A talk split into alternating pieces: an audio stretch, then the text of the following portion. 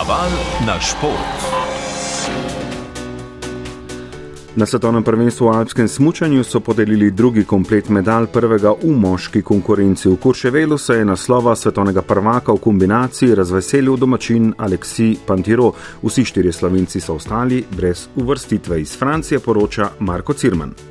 Olajšanje domačih navijačev in predvsem olajšanje za Aleksija Pantiroja. Francos, rojen nedalec stran v Mutijeju, je ponovil uspeh izpred štirih let, ko je v Oreju osvojil prvo kombinacijsko zlato. Danes pa je pot do novega tlakoval že po superveleslalomskem delu preizkušnje, ki jo je prevozil najhitreje. Aleksij Pantiro je danes osvojil že svojo sedmo medaljo na svetovnih prvenstvih.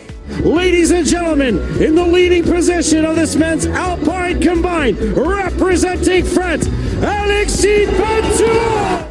Aleksij Pantiro je imel v zadnjem času ogromno težav s svojo formo. Z desetimi zmagami, rekorder po številu kombinacijskih zmag v svetovnem pokalu, je bil v cilju vidno olajšan. V zadnjih 13 mesecih je le enkrat stopil na zmagovalni oder v svetovnem pokalu, ostal brez olimpijske kolajne v Pekingu, zato je za Pantiroja današnje zlato oblišno vse rane v zadnjih mesecih. It's amazing, uh, especially after the beginning of the winter. It's, uh... Vse skupaj je neverjetno, še posebej po zelo skromnem začetku letošnje sezone. Lepo je biti tukaj, v domačem Kurševelu, lepo je slišati navijače, ki navijajo za me in Francijo. Neverjetno je, kaj mi je uspelo. Užival bom, saj so bili zadnji meseci za me precej težki.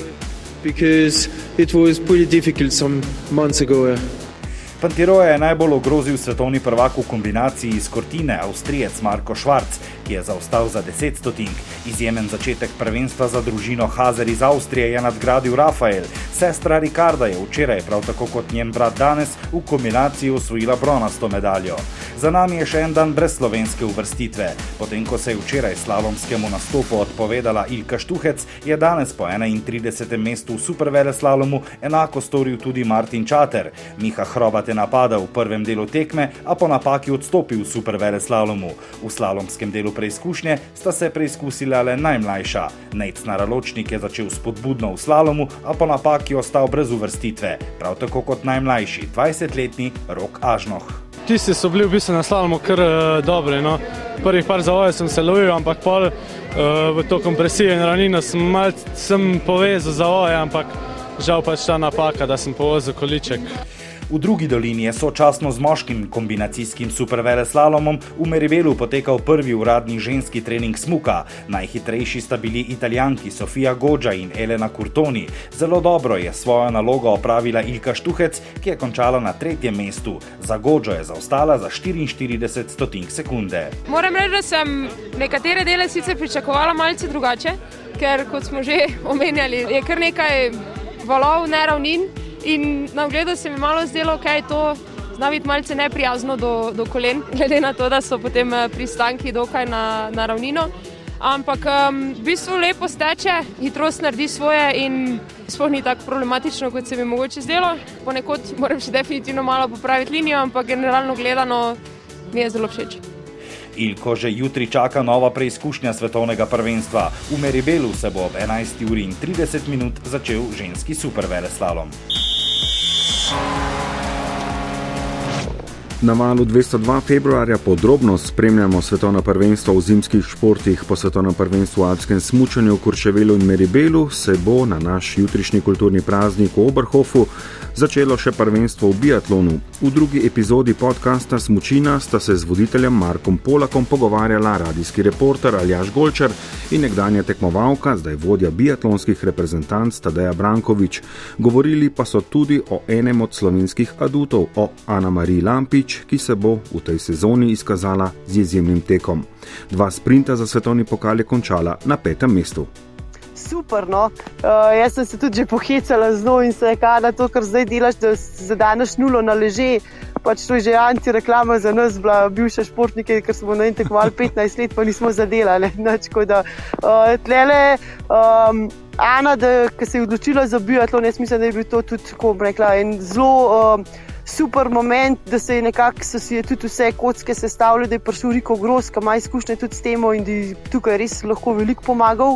Uh, pri pri prestopu v panogo in pri samem streljanju. No, se pravi, ona uh, stoji, strelja, ne vem, mislim, da od meseca septembra, in to se pravi v slabih uh, treh, štirih mesecih je ona strela pač nekaj zelo dobro. No. Uh, je pa res. Uh, Ona ima, to se pravi, te kolajne svetovnih prvenstv, tako da psihično, absolutno je močna.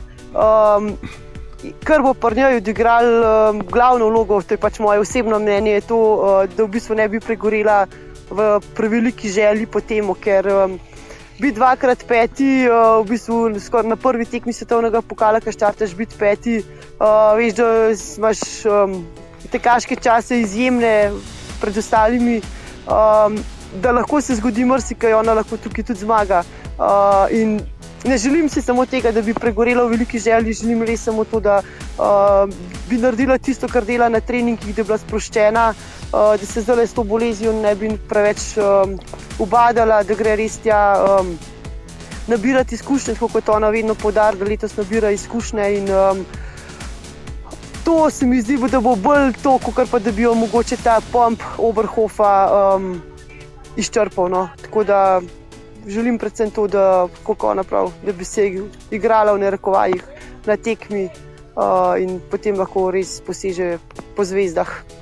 Ja, se zdi, da je res tekmovalka, ki je nič ne zmede in nič ne prestraši. In, uh, ravno to je ena tistih stvari, zaradi katere se mi zdi, ker uh, tako le, ko kdaj pa vprašamo, kaj tudi kakšnega tujca, ko kaj preberemo, mogoče tudi v tujih medijih, da, da, da se vsi nekako bojijo, Ana Marija Lampič, ko vidijo, kako hitra je dejansko v teku, kaj počne že na tekmah nižjega ranga, da je bila že dvakrat peta v svetovnem pokalu in uh, da se vsi zavedajo, da če se ji posreči dober strelski nastop, pravzaprav proti njej ne bodo imeli skoraj nobene možnosti. Če Ana Marija Lampič zadene vse strele, eh, se lahko konkurenca pravzaprav ja, samo eh, pogovarja o tem, kdo bo drugi in kdo bo tretji. In to je tista stvar, ja. zaradi katere so jo uvrščali, mogoče tudi tako v teh uradnih napovedih, tudi na uradni spletni strani Mednarodne biatlonske zveze, med eh, tiste tekmovalke, ki bi lahko recimo presenetile tudi v boju za vrh.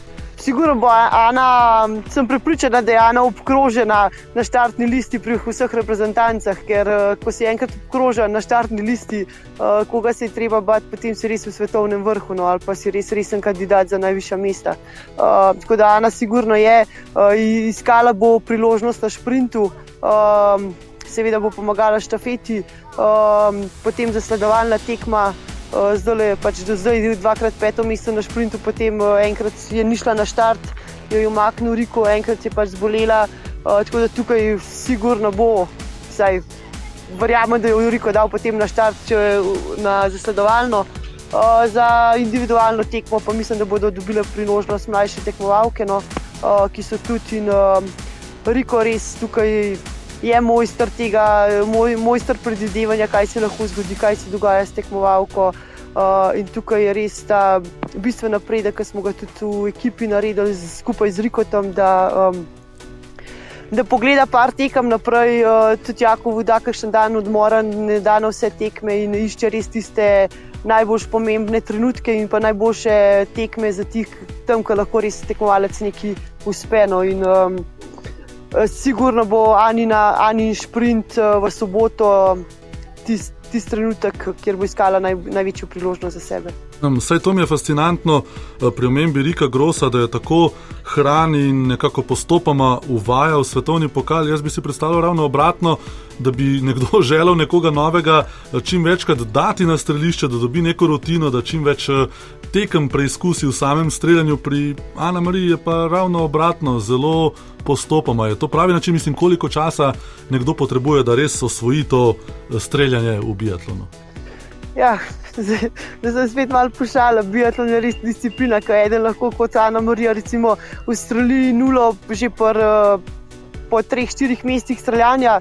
Uh, nekateri pa vse, v vsej svoji karieri težko ustrojili pač uh, nično na, na tekmi. Tako da, da Riko je tukaj res uh, pravi mojster uh, in veliko je tudi na ta Eh, na to psihično stabilnost tekmovalcev, zato tudi umakne kdaj kakšnega mlajših tekmovalcev na nižji rang tekmovanja, ravno zato, da se umiri, um, da, da vidi spet v, bistvu v svoji konkurenci, ki je na kakšnih bil v junior pokalih ali pa ne bil v pokalih, um, da se spet najde, da um, umiri glavo in uh, predvsem to je ta njegova. Um, zelo rekla, modra, modre odločitve so to, da tekmovalci lahko umiri glavo in ravno to dela tudi z Ano Marijo ali pa z Jakovom.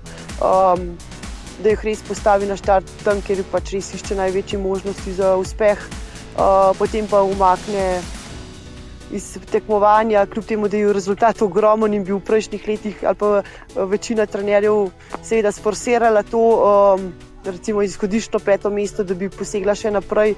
Uh, ampak Riko ja, se je odločil drugače in se je izkazal za res uh, izjemne odločitve. No. To je bil delček podcasta Smučina. V celotni oddaji lahko slišite, da je najuspešnejši slovenski biatlonec Jakov Fak po bolezni nared za prvenstvo. V tej sezoni je že bil na stopničkah, več pa tudi o favoritih prvenstva. Smučino najdete med podcasti v kanalu Sport 202 ter na valovski spletni strani.